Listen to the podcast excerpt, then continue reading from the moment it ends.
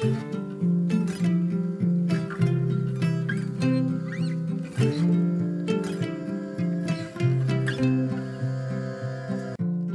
god jul och välkommen till For Health med Anna Sparre. Idag ska vi prata närvaro, mental träning, mindfulness och meditation med Magnus Frid. Hur blir du mer närvarande i vardagen? Hur kan du bli lugnare, sova bättre och såklart få en härligare, mer mindful jul? Om du är nyfiken efter avsnittet så hittar du mer information på forhealth.se. Om du gillar det här avsnittet så blir jag så glad om du vill dela avsnittsinformationen på Facebook, tipsa en vän och dessutom lämna en recension i iTunes. Stort tack på förhand! Och missa inte att du kan boka mig som föreläsare till ditt event eller företaget där du jobbar. Magnus Frid, som vi ska prata med nu, är mannen bakom Mindfulness-appen med en djup kunskap i tibetansk kultur, buddhism, mindfulness och meditation. Han är yogainstruktör och undervisar i meditation.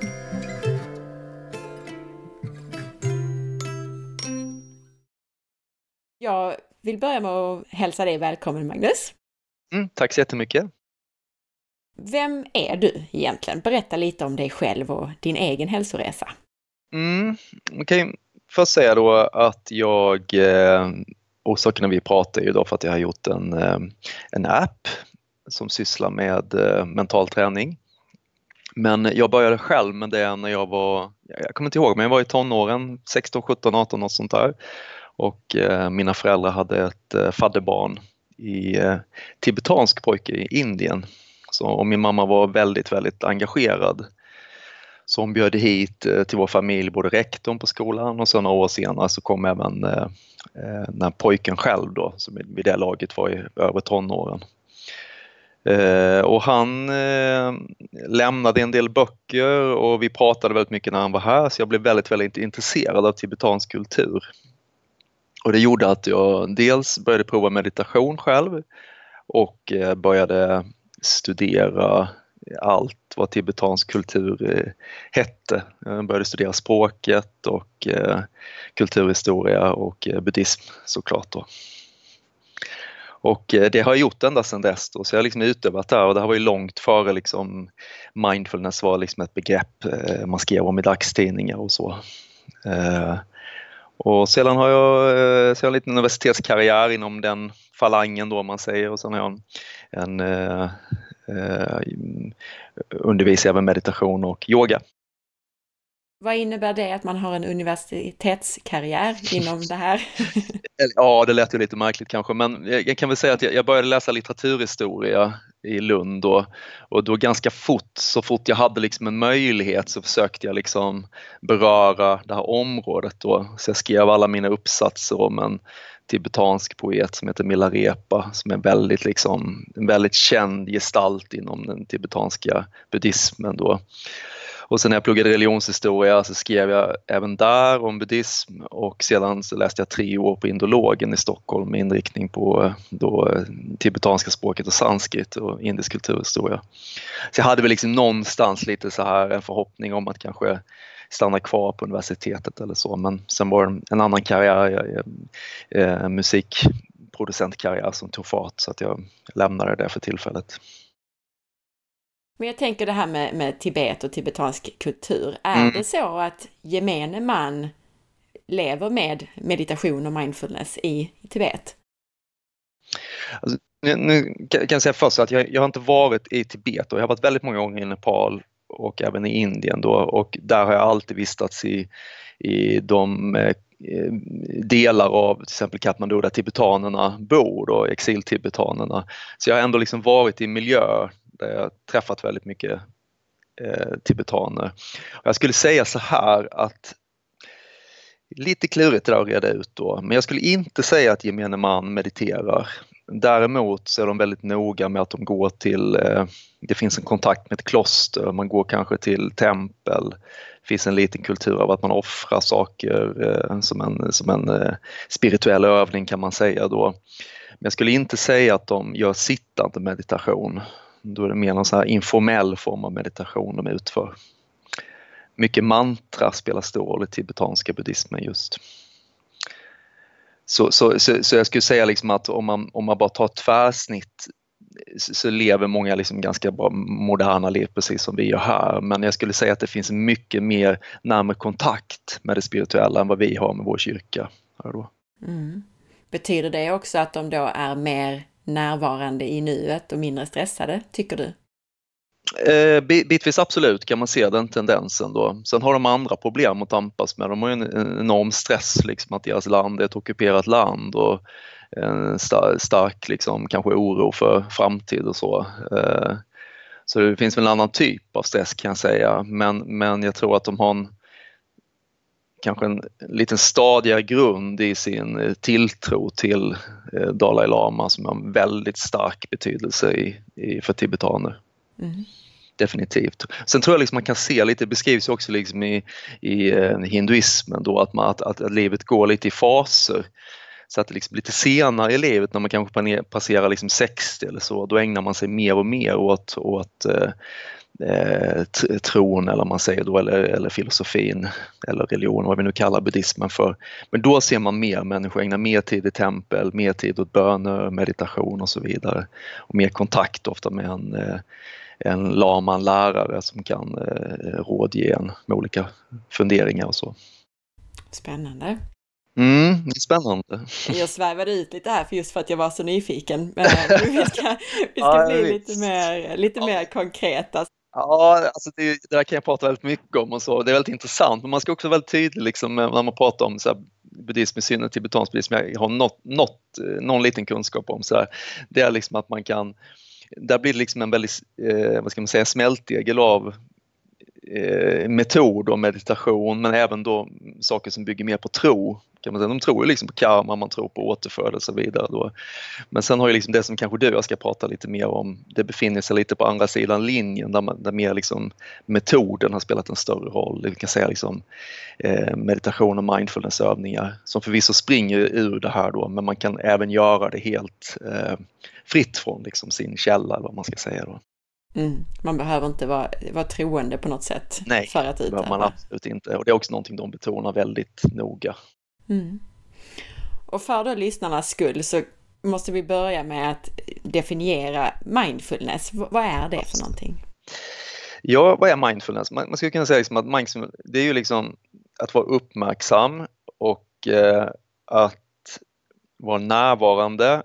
Om man förflyttar liksom eh, sig bortom historien och hitom framtiden in i ögonblicket in i sitt eget center kan man säga och man kan då både utöva mindfulness mer informellt och i sitt vardagliga liv, att du är mindfulness när du äter, du är mindful när du eh, umgås med dina vänner, när du lyssnar och så vidare. Men du kan även göra mindfulness, mindfulness mer eh, formellt då, och då pratar vi mer om mindfulness meditation. Det vill säga att du, du sitter eller ligger eller eh, står och gör olika eh, ganska konkreta övningar för att liksom stärka upp din förmåga att vara närvarande i stunden kan man säga. Och det är liksom eh, också att komma ihåg att vara det en stor del av det hela. Berätta då, hur går det till att utöva mindfulness? Ja, det är ju så då att jag tror att om vi dels liksom kollar på den här informella delen, att vara närvarande i relationen, vara närvarande när du äter, det är ju väldigt svårt om du inte liksom har fått liksom introduktion i, i själva tekniken, då, hur du ska tänka. Då. Så det bygger mycket liksom på att du, du gör övningar och i, i sitt en, en enklaste formen så är det kanske så enkelt att du sitter eller ligger ner och fokuserar på ditt andetag. Andetaget blir på något sätt liksom, eh, ett uttryck för liksom det förgängliga och det är där du liksom håller ett, ett mjukt fokus utan att manipulera andetaget och sen i stort sett bara observerar med ett väldigt accepterande, en accepterande hållning mot dig själv vad som kommer upp i den stunden. Tankar och så? Tankar, känslor, förnimmelser, impulser, eh, olika former av stimuli. Och eh, din eh, övning blir ju liksom att stärka upp den här muskeln kan man säga då som gör att du kan stanna på den, du skapar dig en yta eh, där du faktiskt kan då stanna kvar och mer som en filmduk nästan se eh, tankar, känslor, hur de kommer, hur de går och en, en ganska snabb insikt tror jag kan bli att man upplever att, att de har ju faktiskt ingen, eh, eh vad ska man säga, en, en inneboende solid existens om man säger så. De kanske de försvinner bort och kanske kommer de tillbaka men redan nästa gång så kanske en liten annan skepnad och ditt perspektiv är något annorlunda. Så. Så du säger att genom att man då fokuserar lite grann på andetaget så kan man på något sätt betrakta sina tankar och känslor lite grann från utifrån nästan? Precis. Du sysselsätter en del av sinnet att eh, iaktta och observera eh, det resterande kan man säga då. Ungefär liksom som ett, ett vattenfall men istället för att du bara är mitt i det liksom, så kliver du upp på stranden och tittar istället på det. Då. Så man kan ju säga liksom att det blir en liten förflyttning Eh, eh, en, en, lite liksom att man får ens uppfattning om, om sig själv och krackelera lite grann på ett behagligt sätt då för att du, du upplever liksom att det finns en, eh, vad säger man, disconnection mellan eh, en själv och tankar och känslor om du sitter kvar. Och det kan vara en ganska behaglig upplevelse för många tror jag därför att många gånger så är vi så uppslukade av det här så vi har ingen förmåga att eh, att skapa oss perspektiv eller någon, eller någon, form av introspektion i vardagen och det, det, kan ju skapa problem för oss helt enkelt. Men jag tror att, ja vi kommer till det lite senare, jag ska inte gå... Ja. Men jag tänkte, du har nämnt här, du har nämnt begrepp både meditation och mindfulness. Ja. Vad är egentligen skillnaden? Ja, det är en bra fråga då. Jag satt och tänkte på den innan, hur sjutton ska jag kunna liksom reda ut det här på ett rimligt sätt? Och och det, jag, kan säga det direkt att det, det, finns mycket olika definitioner på det här och jag tror att en sak som är lite klurig är då att både meditation kan användas eh, i olika betydelser och mindfulness kan också användas i olika betydelser. Så därför är det lite, lite svårt att säga då. Men jag skulle säga ändå så här att eh, som jag har lärt mig då, säga mindfulnessen, det är ju helt enkelt närvaron, att vara närvarande, närvarande utan att eh, eh, vad ska man säga, ha någon form av eh, manipulativ eller eh, eh, påverka för mycket det som sker då. Medan meditation kan vara mycket mer än det. Det kan dels liksom vara en övning i koncentration men det kan också vara mer när man sysslar med, man kallar för insiktsmeditation, när man mer undersöker vad, vad eh, sinnet består av och eh, mer undersöker vad det är för saker som kommer upp i en sinne och varför det gör det och hur det föds och försvinner bort så att säga. Då.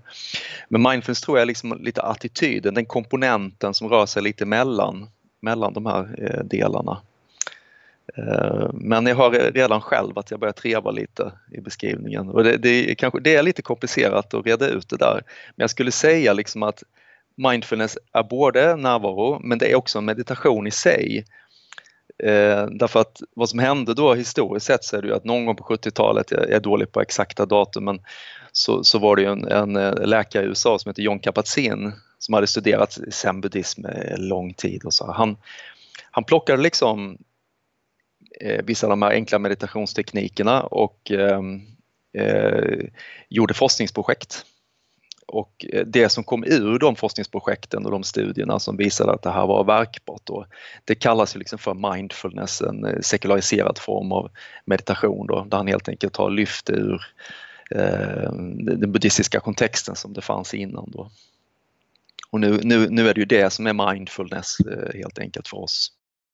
Ja, och jag tyckte lite grann i det du beskrev tidigare att eh, det lät som att meditation kan vara ett verktyg för att uppnå mindfulness, för att bli mindful. Ja, precis. Men också ett verktyg för andra saker, som du sa. Exakt, precis. Så kan det verkligen vara. Och du nämnde här också att man kan använda meditation på olika sätt, alltså att det finns olika sorters meditation. Kan du mm. reda ut lite kring några vanliga former? Eh, ja, det kan jag. Det, det är ju så här att eh, eh, återigen, det finns väldigt mycket olika traditioner så det finns inget rakt svar på det hela. För skulle du prata med en annan person som kanske har eh, sysslat med någon annan, kommer från en annan tradition, eh, kanske har lärt sig meditation i, eh, inte vet jag, Sri Lanka eller någonting, så kanske man har en lite, lite annan syn på det. Men som jag har lärt mig så finns det liksom, det finns en mer, eh, eh vad ska man säga, en lugnande meditation. Ehm, som, där man mer jobbar med bara koncentration. Och det brukar liksom vara det första steget man tar för att på ett ganska lätt sätt, vad ska man säga, göra, göra sinnet lite mer töjbart så att du kan stanna kvar eh, på samma koncentrationsobjekt över lite längre tid utan att eh, flyga iväg eller vandra iväg för mycket. Det är lite samma sak som om du tänker dig en sjö där det är väldigt mycket krusningar på ytan och det är liksom innan du har stillat den så kan du inte gå vidare till mer insiktsmeditation då du kan se ner klart under ytan. Eh, så man kan säga att det är liksom den koncentrationslugnande meditationen och det är mer den analytiska meditationen. Och sen finns det väldigt många olika varianter. Det finns ju meditationen som jobbar väldigt mycket mer med medkänsla, eh, bygga inre styrka. Man kan jobba med visualiseringar av olika slag. Eh, och så vidare. Med lite olika syften och det, det som jag har lärt mig är att det är ganska liksom öppet. Det kan, det kan handla liksom om att eh, eh man jobbar periodvis efter ett visst behov man har. Eh, då kan man säga. Oftast sker det i, i samtal med en lärare som kanske uppmanar en att göra en viss teknik. Då. Och jag menar, jag som inte är någon expert på ämnet, jag vet ju att en del jobbar med meditation genom, som du sa, då, att fokusera på andningen till exempel. Mm. Medan mm. andra kanske använder ett mantra.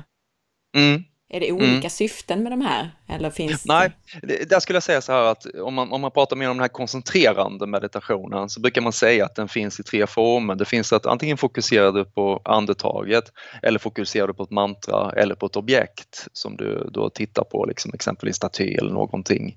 De har ganska lika funktion, tror jag. Jag skulle nästan snarare säga att det är en eh, liten, eh, vad som funkar bäst för en. Men, men jag tror att det jag stött på så tror jag att meditation på andetaget är överlägset den mest an, använda och utbredda metoden. Och jag skulle definitivt, när jag undervisar så är det definitivt den som jag rekommenderar att börja med.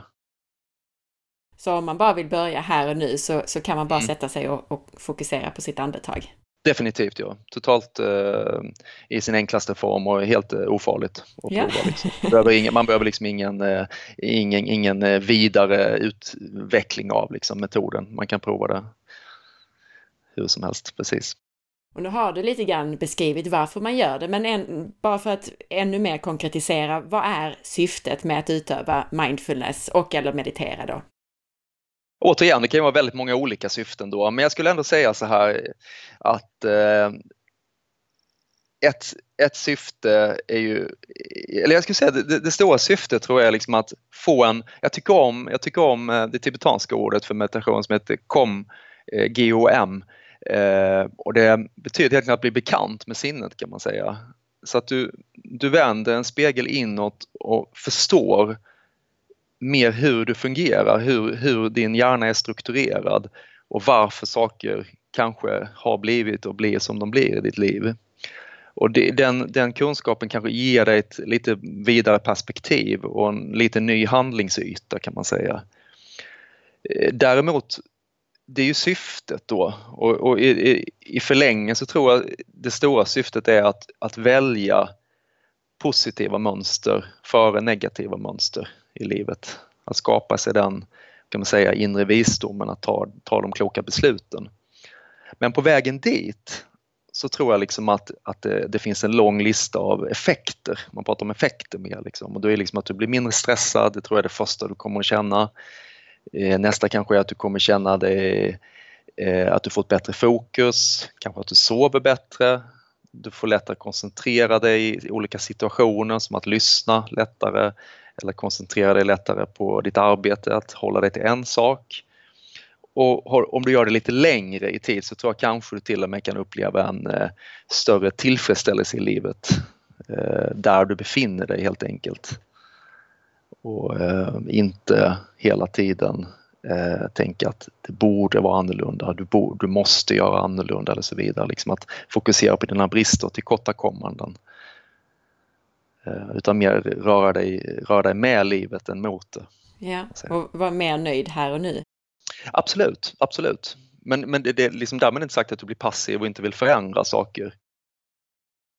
Men vad upplever du själv av meditation och mindfulness? Alltså, kan du se några skillnader jämfört med när du inte utövade det? Jo, men det kan jag verkligen. Och jag, jag var ju jätteung när jag började då, eh, som jag sa då. Och jag var, jag var ganska så här, jag vet inte hur jag ska beskriva mig själv. Det är alltid konstigt när man ska säga hur man själv är eller har varit. Men jag upplevde att jag var väldigt rastlös när jag var yngre. Jag hade väldigt svårt att sitta still, jag hade svårt att vara tyst eh, i skolan. Och eh, det, det, var mycket liksom, mycket i min kropp. Jag kanske saknade en viss förståelse liksom för vad som hände och det kanske kom ut fel ibland. Och jag kände mig eh, frustrerad och så. Så att för mig var det ju definitivt den största effekten var att jag blev lugn.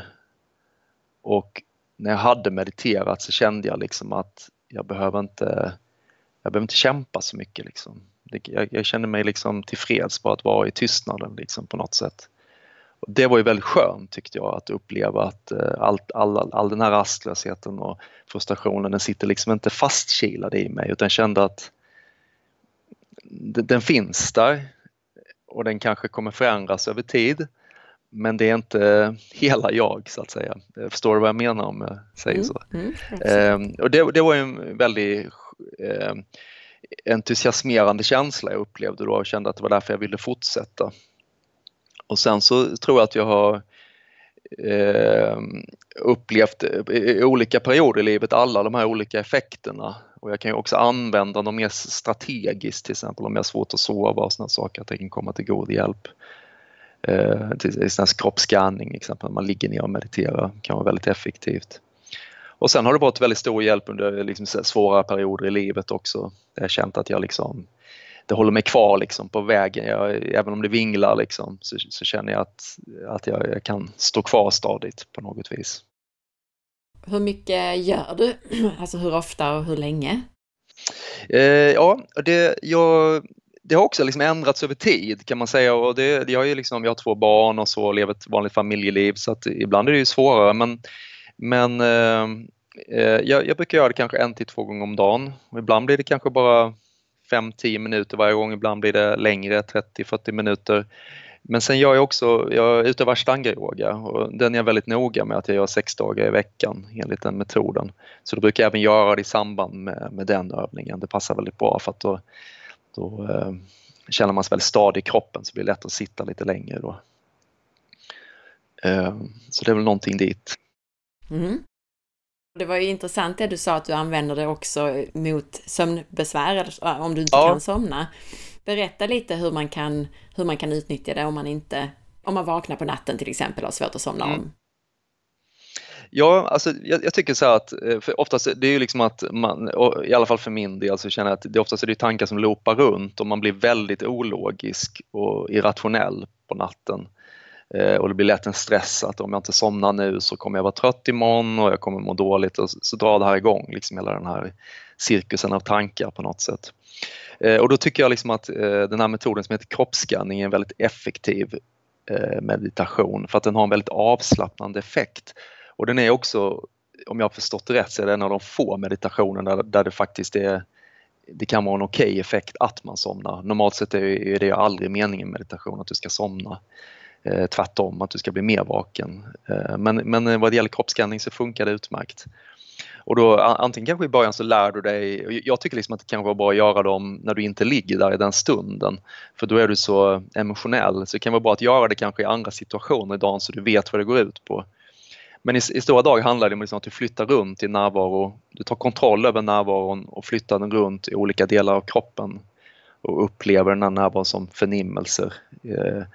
I, eh, exempelvis kan du fokusera på dina fötters tyngd, dina bens tyngd mot underlaget och du kan liksom gå från det grova in mot det mer subtila så till slut kan du liksom nästan uppleva liksom ytan mellan benet och underlaget och, och eh, kontaktyta mellan ögonlocken och så vidare. Det kan bli väldigt eh, eh subtilt och exakt och plötsligt har du liksom tagit kontroll över situationen och är inte längre frustrerad utan känner att sakta kommer en avslappning in, in i kroppen och i bästa fall så kan du då komma till ro. Och jag håller med. Jag, just så använder jag också hemskt gärna det. Att eh, om jag inte kan somna eller om jag har tankar som, som maler så, så ja. just det att fokusera på olika delar av kroppen eller på andetaget precis när man inte kan somna. Det tycker jag Gör, gör du det liksom bara ensam i tystnad så eller lyssnar du på någon guidning eller något sånt? Både och. Jag, jag ja. har väl lärt mig det genom en guidad eh, mindfulnessövning från början och sen använder det. jag det jag tycker bäst om. ja men precis, jag tror, det, jag tror det är precis så som du gör tror jag är bra för att annars kanske det kan vara svårt att veta veta hur du ska göra det då och samtidigt kanske vi inte ska rekommendera att man har eh, telefonen i sängen och så men, men det kan Nej. också funka med hörlurar och så. Liksom. men jag har faktiskt, det kan jag rekommendera, jag har en sån här gammal mp3-spelare kvar där jag har laddat ner ah, mindfulness just ja. så att man slipper ha telefonen i sovrummet. Just det, så kan man ju verkligen göra också. Det är ju superbra. För det är ju, det är ju rätt skönt och jag tycker jättemycket om själv, speciellt i kroppsskann, att bli guidad liksom, av en röst. Så jag kan verkligen så släppa taget. Liksom. Det är jättehärligt. Mm. Du har ju nämnt också här det här med att man lever mycket i framtiden och, och man ältar mm. saker och, och jag tror att jag själv och många andra känner just det, att man lever mycket i framtiden, man planerar och man tänker på saker som ska hända, hur det ska bli i framtiden. Mm. Och vissa kanske snarare har ett omvänt problem, alltså man ältar det som har varit. Mm. mm. Mm. Hur gör man för att leva mer i nuet, att vara mer närvarande i det man gör och upplever? Ja, alltså jag tror ju så här då att om man, tycker att om man tycker att meditation och mindfulness är någonting som man vill prova, om det är någonting som fungerar, så, så, så kan jag väl säga för mig så har det funkat att bygga en struktur. För att eh, annars är det så himla mycket i våra liv som tar vår uppmärksamhet hela tiden. Eh, så jag tror man måste liksom bestämma sig. Först kanske man måste tänka så här, varför vill jag göra det här? Skapa sig en motivation. Kanske en liten målsättning kan vara okej okay också tycker jag. Eh, och liksom sätta ord på det. Eh, och sedan kanske du bestämmer hur länge ska du meditera? Och det kan vara allt från bara 5 minuter till 15 minuter i början. Jag tror inte man ska ta sig vatten över huvudet och göra för långa meditationer. Eh, och beställa, bestämma var du ska göra det och när. Och sen tror jag det är viktigt att eh, när du har tagit de besluten själv också att kanske få en förståelse från omgivningen. Som till exempel om man lever med en familj eller med, med en partner eller så. att Förklara att det här, det här vill jag göra liksom, och jag tycker det här känns som en eh, intressant eh, intressant metod att se om man kan komma till rätta med vissa av de här, den här stressen och, och så. Eh, så man känner att man har förståelsen. Och då kan man ju väldigt exakt säga att jag behöver, jag behöver liksom sju minuter om dagen eller fem minuter om dagen för att få göra det här. Då vill jag, vara, då vill jag sitta själv, vill vara fred, jag vill inte bli störd. Självklart lägger man undan mobil, stänger av alla vibrationssignaler eh, och sen så måste du ha lite disciplin, lite jäkla anamma viljestyrka och att bestämma att nu ska det bli gjort. För jag tror meditation, och det är samma med yoga också, man måste upprepa det man måste träna det om och om igen för att eh, lite, ska man säga, programmera om så att det blir till en vana, en ny vana, en ny hobby som du sysslar med. Så jag tror i början, så, så jag, jag, tycker att det är viktigare att hålla nere tiden till kanske en ganska kort tid. Eh, eller det är mindre viktigt att eh, eh, och det är viktigare att göra det ofta. Helt enkelt. Så korta tider, minst kanske tre, fyra gånger i veckan. Ganska direkt tror jag man ska börja med. Så hellre fem minuter om dagen än, än en ja. timme en gång i veckan? Ja, det, det blir inte, det, det, tror jag inte blir en bra början. Nej. Jag tror att du kommer, du, du kommer eh, eh, som jag upplever det så måste du tycka att det är kul i början. Du måste känna den där känslan av att wow, det här var någonting. Jag, jag säger inte liksom att det som kommer upp i form av tankar måste vara bra, för det kan vara lite olika. Men du måste ändå känna att det här skapar mer nyfikenhet så att nästa gång du kommer tillbaka så vill du sätta dig igen. Det finns inte allt för mycket motstånd. Så jag kan bara sätta en liten äggklocka eller någonting på 5-10 minuter och så sätta mig? Ja, det tycker jag också är viktigt liksom, att göra den, eh, att du, du håller ramen hela tiden. Så att du inte sätter dig på ett, så det blir lite ungefär så här då. Utan jag tycker det är bra att ha liksom en tydlig ram i början. Så vet att du kör fem minuter. Har du liksom lite mer tid så kör du ett set till och sätter den på fem minuter en gång till. Eh, och så kanske du redan innan har bestämt då. Alltså, det är självklart, vi behöver inte vara för hårda mot oss själva utan det kan ju vara så att du måste göra om schemat lite över tid. Så. Men, men liksom ganska så här, även de dagar när du känner att det här, det här liksom, känns inget vidare, jag vill inte göra det, så ska du göra det ändå. Det är så du sätter strukturen. För jag tror att det finns, jag tror inte jag träffat någon som har sagt så att jag ångrat mig. Jag ångrade mig för att jag mediterade. så det kan man komma ihåg liksom. Man kan komma ihåg att efteråt så kommer det alltid, det kommer att vara bra liksom. Även i de dåliga stunderna kommer det vara bra att du har gjort det. Men däremot så kan det ju låta lite abstrakt kanske. Alltså jag frågar hur gör jag för att vara mer här och nu i det jag gör? Det kanske kan låta lite abstrakt att bara för jag sätter mig fem minuter om dagen och mediterar så är jag mer här och nu när jag är med min son. Men du menar att det är så? Jag menar att, jag menar att det kommer kräva träning. Det, det, kommer, det kommer inte vara så att du gör det en vecka och sen så har du en större eh, bestående närvaro med din son. Utan det här är någonting du, du börjar, precis som om du, du börjar spela gitarr eller någonting. Liksom. Det, det kommer låta sådär första tiden. Men sen, sen plötsligt liksom så börjar det ta form liksom, och så börjar det låta bättre och bättre och du känner rytmen i kroppen och så här. Det är precis likadant eller om du går till gymmet och börjar träna en muskel och vill få den att växa. Liksom. Du, du, man kan inte säga att det händer ingenting, jag har gjort det i sju dagar nu. Utan du måste göra det. Mm. Och jag tror att den disciplinen är väldigt, väldigt viktig och därför tror jag liksom att skapa förutsättningen så att det kan vara många saker. Det kan vara att du, du har den boken du tycker är spännande att läsa, den appen som ska guida dig eller den kursen du ska gå till. Den platsen kanske skapa sig en trevlig plats där du gör det som är lite speciell. Liksom. Du kanske har möjlighet att tända ett ljus eller du får sitta lite i fred där. Du känner dig bekväm på den platsen. Det bör liksom vara rent och, och, så, så att man inte sitter mitt i något kaos. Liksom. Och ehm, eh, när, att du skapar det där när och varför. Eh, jag, jag tror de sakerna är viktiga. Det kommer aldrig vara ett perfekt tillfälle, det vet vi. Livet, livet funkar inte så. Men, men, att ta tag i det och göra det tror jag är väldigt viktigt. Det är då i alla fall jag, jag själv har känt att eh, här händer någonting. Jag kommer ihåg när jag började med eh, både yoga och meditation har varit likadant. När jag, när jag har tagit upp från en gång i veckan till tre, fyra gånger i veckan, då har det, har det, börjat, eh, då har det börjat utvecklas. Det är precis som att då slår det liksom rot eh, på ett annat sätt. Det jag har förstått från andra är att de blir avskräckta för att de tror att man ska sätta sig och meditera och då ska det vara helt blankt i huvudet. Att man inte får, det ska inte ja, vara ja, några ja. tankar alls som kommer. Och så tänker de, jag kan inte detta, jag misslyckas. Vad har du att säga om det? Ja, alltså, det är ju så att det, det, jag, jag, vet inte var det där kommer ifrån, men det finns väl vissa meditationsformer som är väldigt strikta då när man ska hålla koncentrationen på en enda sak. Men om vi nu pratar mindfulness så är det precis tvärtom. Du flyttar dig bak och blir en iakttagande observatör. Sen låter du liksom sinnet vara väldigt luftigt. Så du, du, liksom, du behöver inte söka tankar, du behöver inte söka stimuli men tankar kommer och går och känslor kommer och går. Men du, du, eh, eh, du replikerar inte så att säga. Men, men att det finns tankar och känslor, det kommer du att göra hela tiden. Så det är inga problem. Och som jag ser det så är liksom att det fina med meditation är att när du gör detta eh, så slutar vi mäta oss själva. Det finns inte bra eller dåligt och, eh, och så vidare liksom, utan du, du sitter och iakttar, du kommer att tappa fokus, du får tillbaka fokus och så tappar du fokus och så vidare och det är en del av meditationen kan man säga. Men du har liksom din andning som ett ankar hela tiden att återvända till när det sker.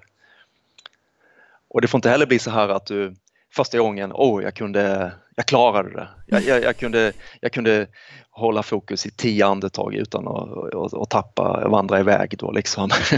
och så blir man lite mallig och tycker, ja det, det, kan jag liksom. Men sen nästa gång du sätter dig så, så, så, plötsligt så märker du att du har vandrat bort i någon, någon märklig tanke eller en bagatell eller någonting som helt slukar upp dig och du blir absorberad i någonting.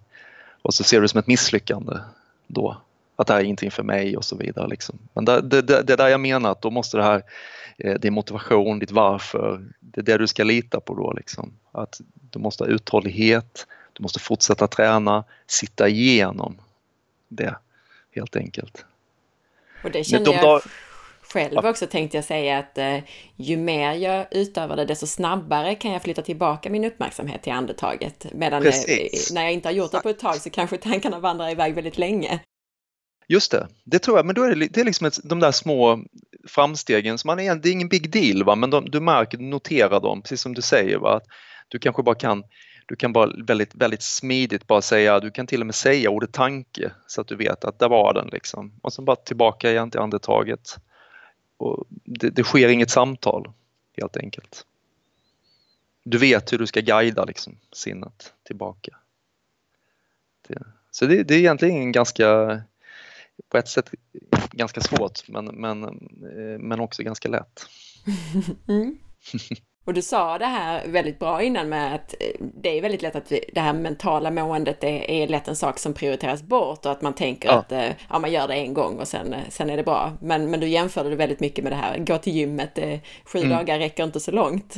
Ja, varför skulle det vara annorlunda? Jag, jag har väldigt svårt att se den, men jag har hört det förut, men jag kan inte och så. Men vilket, när övriga livet har vi ett sådant förhållningssätt till något jag provade, jag provade piano en gång och det gick inte. precis. Det, det, är liksom, det är exakt samma sak. Alltså, det är samma sak som yoga eller vad som helst. Det är otroligt, liksom, det är ganska, det är ganska hård träning om det ska, om det ska gå djupare in i det. Liksom. Jag tror att i vårt samhälle idag så är det väl lätt så att samhället är uppbyggt så att vi prioriterar lättare de fysiska attributen genom till exempel ja. fysisk aktivitet. Jag tror också det, men jag tror faktiskt att det kommer ändras lite för jag märker när jag undervisar ehm, eh, meditation så märker jag att många jag kan märka en energi som är väldigt behaglig och jag tror det är just den kommer i att här kan vi inte mäta någonting. Liksom.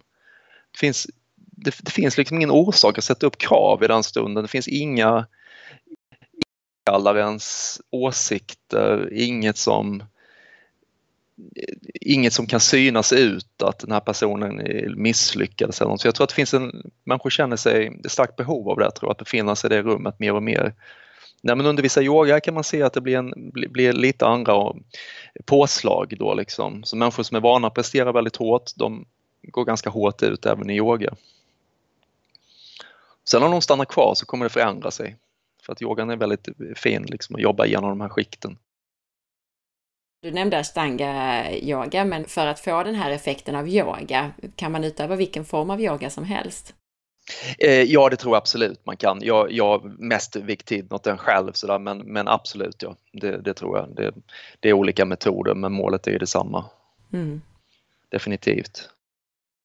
Du har redan nämnt några strategier här för att komma igång med regelbunden träning med hjälp av mm. meditation mm. eller mindfulness, alltså att man, man sätter mm. av tid och hellre kortare tid och oftare. Mm. Har du några andra trick som man kan använda sig av för att komma igång? Ja, men det kan ju också vara till exempel att man eh, söker sig till, till eh, en community där man får Eh, Eh, meditera. Det finns ju gott om kurser numera och det finns eh, såna helgretriter man kan åka bara för att få liksom en bra introduktion så du vet vad du ska göra sen när du kommer hem. Eh, helt enkelt, så att du får någon slags mindre manual med dig. Och jag tror att det kan vara bra att börja med exempelvis som vi sa kroppsskanning tycker jag är en väldigt bra meditation att börja med. För Jag tror att många av oss är väldigt mycket uppe i huvudet och jag kommer ihåg själv när jag började att jag visste knappt vad det innebar att vara i kroppen. Eh, jag, tror inte ens jag hade förstått det om någon hade sagt det. Men, men genom kroppsskanning och andra meditationer så känner man en stark förflyttning ner och man känner en större helhet av sig själv vilket är väldigt behagligt i början.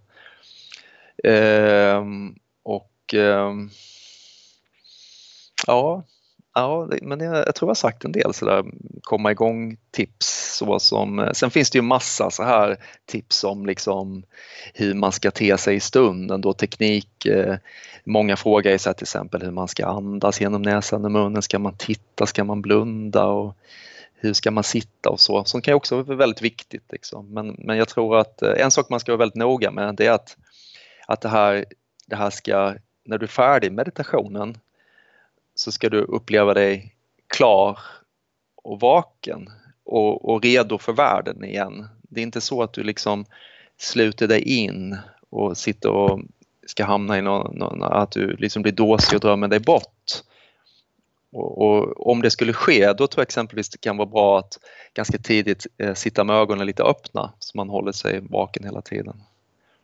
Och sen är det viktigt, eh, det kan jag också säga att det är väldigt viktigt att Eh, du, du, du sitter med ryggen rak så att andetaget rör sig fritt och naturligt och du kan absolut lika väl sitta på en stol som att sitta på golvet. Och det är ingen uthållighetsövning, du behöver med orden liksom pressa benen upp till, till eh, skräddare eller lotus om du inte behärskar det. Om du, inte, om du är lite stelare i kroppen så kan det vara fördel kanske att sitta på en stol i början så att du kan fokusera på själva övningen. Men du rekommenderar alltså att man sitter upp och att man, om man inte blir för borta, att man blundar, eller hur? Jag tycker man kan blunda i början för att det är lite lättare, tror jag många upplever. Men, men eh, jag tror inte man ska, bara inte man blir för innesluten, det är det jag tror. Liksom. För att jag, jag tror liksom meditation ska ändå vara i kontakt med världen också. Så, och det gör en lite mer alert när man har, och när jag säger ögonen öppna så menar jag att de börjar öppna till en tredjedel kanske. Man liksom blickar ner lite ut i rymden bara liksom. Det blir lite liten suddig blick nästan. Men man kan absolut blunda i början, självklart. Sitta upp tycker jag är ganska viktigt. Jag tycker när man gör kroppsskanning så är det självklart man kan ligga ner för det är lättare att göra övningen då. Men risken är annars att det är för lätt att somna tror jag. Mm. det kan man ju ha det som syfte ibland också såklart. ja, det kan man, det kan man ju. Jag glömde det. Men jag, jag, ligger ner också ibland när jag är lite lat. jag tycker det är väldigt skönt att ligga ner, men det är klart att det kan ju vara för att man är småbarnsförälder. Ja, ja, ja absolut, det är helt ursäktligt. Det här med andetaget då som du nämnde, vad, vad säger du om det? Ska man tänka på att man ska andas genom näsan till exempel, eller ska man bara låta andetaget vara som det vill? Jag tycker man ska låta andetaget vara som, som det är bara. Och, eh, det, det, finns också massa att säga om det och en del har lärt sig att man ska bara andas genom näsan och en del man kan växelandas och så. Eh, jag, tror inte att det är så jätteavgörande i början faktiskt. Jag tror att du ska låta andetaget vara så naturligt som möjligt och det kan vara svårt nog i början därför att det, där kommer det också in så här liksom att eh, det bör ju vara lugnt för att jag mediterar. Liksom. Men andetaget är inte alltid lugnt, man är stressad och så vidare. Så då kan det, kan det vara skönt liksom att du bara iakttar att det är grundare, du, du märker att det, det når inte riktigt ner liksom i hela bröstkorgen och ner i magen utan det känns spänt. Va? Du bara genom den iakttagelsen och att du låter det vara kan göra att det förändras över lite tid. Möjligtvis kan man, ibland gör jag så här om jag har varit stressad så brukar jag ta några lite längre andetag i början, tre, fyra, fem djupa andetag Eh, bara känna liksom att axlarna sjunker ner lite, pannan blir lite mjuk och, och käkarna slappnar av och, och så skulderbladen sjunker lite in i bröstkorgen. Och tungan slappnar av och så. Det är också så e-, e-, enkla punkter liksom där, där mycket spänningar kan sätta sig. Så det, det, kan vara bra tips också, tror jag. Men jag tror inte man ska liksom inte bli, det finns så mycket att säga om teknik och såna olika saker. Man får, man, man får liksom man får inte i början inte fastna för mycket liksom. men, men att sitta rak med ryggen för att det är väldigt självklart därför att slokar du ner så får du dels efter ett tag kanske ont i ländryggen och det blir, du, du, du klämmer åt för mycket ner mot diafragman så det blir, det blir tajt och andas fritt då om du faller fram för mycket. Så att ha ryggen rak och man kan sitta liksom så man flyttar bak med rumpan mot ryggstöd, ryggstödet liksom, så att man får stöd i ländryggen så du lättare kan sitta upp då. Nu är det så att eh, det här avsnittet kommer att komma på julafton. Ja, kul! så då är ju min självklara fråga hur man gör för att få en mindful jul eller mindfulla juldagar. Vad säger du? Har du några konkreta tips? Jag tycker liksom att eh, det är så mycket jul, det är så mycket förväntningar. Man är så man, man vill vara till lag så många har väldigt tydliga bilder av hur julen ska vara. Så jag tycker liksom att sänka förväntningarna och eh, kanske göra lite meditationer som fokuserar eh, väldigt tydligt på, på att sänka ner stressen lite grann.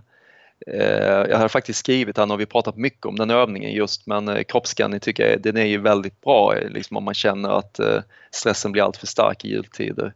Och jag tycker också man kan, det kanske är ett utmärkt, utmärkt tillfälle att komma igång också, för ofta har man några lediga dagar. Så helt förutsättningslöst kanske du ger dig det i, i julklapp själv, att liksom få den tiden att testa lite grann. Bara lite lekfullt, prova lite och ge inte upp för tidigt. Gör upp ett litet schema, det kan vara lite rituellt sådär att nu ska jag göra det tre dagar i rad, 5-10 minuter varje gång. Jag ska prova de här meditationerna. Och sen håll dig till schemat, växla inte för mycket och testa för många olika saker eh, utan prova det. Och som du sa, du har nämnt kroppsskanning här flera gånger och jag menar, ja. bara för att konkretisera det så i sin enklaste form kan det väl bara vara att man känner igenom olika kroppsdelar, hur det känns i dem, hur de känns mot underlaget och så vidare. Ja, absolut, verkligen. Men sen också tycker jag liksom att julen är också bra tillfälle att, eh, att vara närvarande överhuvudtaget då, liksom att kanske ge det till dina nära, att liksom stänga av telefonen lite, verkligen ta tid och lyssna och vara tillsammans. Eh, har man barn så är det en perfekt tid liksom att verkligen få tid till samtal och sitta bort, lata sig ihop och sådär och inte göra någonting eh, helt enkelt. Jag har, jag har en sån här egen upp, uppfunnen meditation som jag brukar göra ibland. Att, eh, den enklaste av det enkla liksom att bara, bara sitta du behöver, inte ens, du behöver inte ens, om du tycker det är för svårt att meditera kan du bestämma dig att jag sitter här liksom på soffan eller någonting. Jag slår inte på TVn, jag använder inte med mobilen, lägg den en bit bort. Men du sitter kvar där, du kan bestämma i alla fall 10 minuter, bara sitta och göra ingenting. För det, och det, det kan man ju tycka, vadå, det, det, är väl, det är väl ingenting med det. Men det är faktiskt en viss skillnad, för vi är alltid så upptagna med någonting.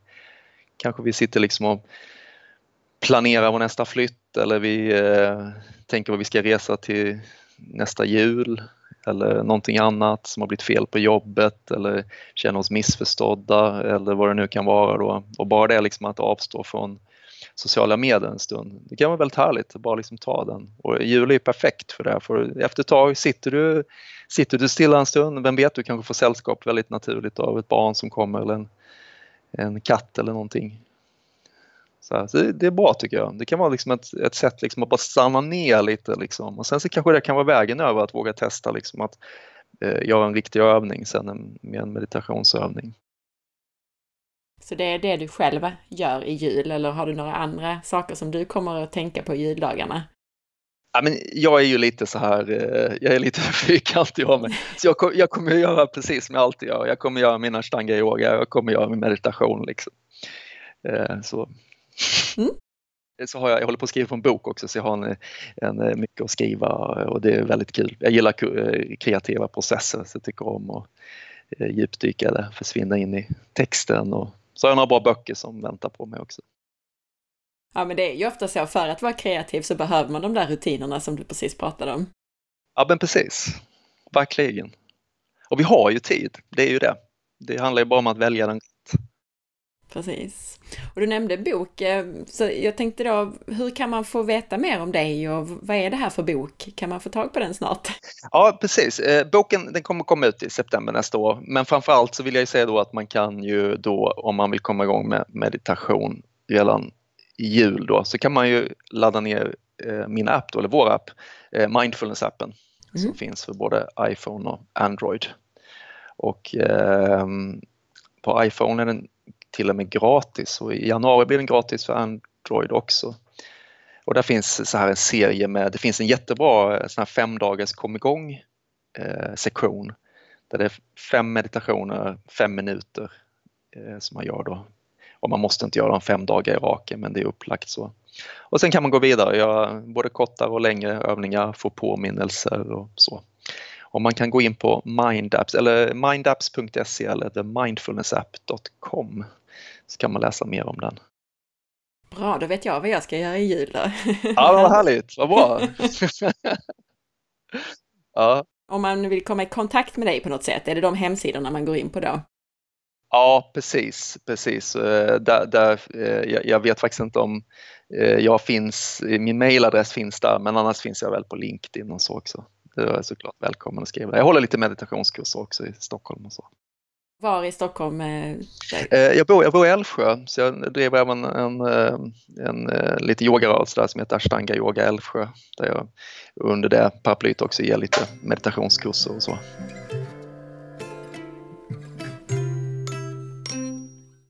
Tack för att du lyssnade idag. Jag hoppas att du uppskattade avsnittet. Kommentera gärna på forhealth.se eller facebook.com forhealth.se. Missa inte heller att följa med på Instagram via signaturen asparre. Och gå nu in i iTunes eller i din app på mobilen och lämna ditt betyg och recension på podcasten. Och glöm inte att tipsa andra om podden om du gillar den. Du vet väl om att du kan lämna en recension mer än en gång? Jag behöver din feedback och recensionerna får också fler lyssnare att hitta till podden, vilket är en förutsättning för att du ska kunna fortsätta få gratis information och få lyssna på de intressantaste intervjupersonerna. Se det som din julklapp till mig och podden. Sätt dig nu ner och andas ett par minuter. Jag önskar dig en riktigt god jul och så hörs vi framåt nyår igen. Hejdå!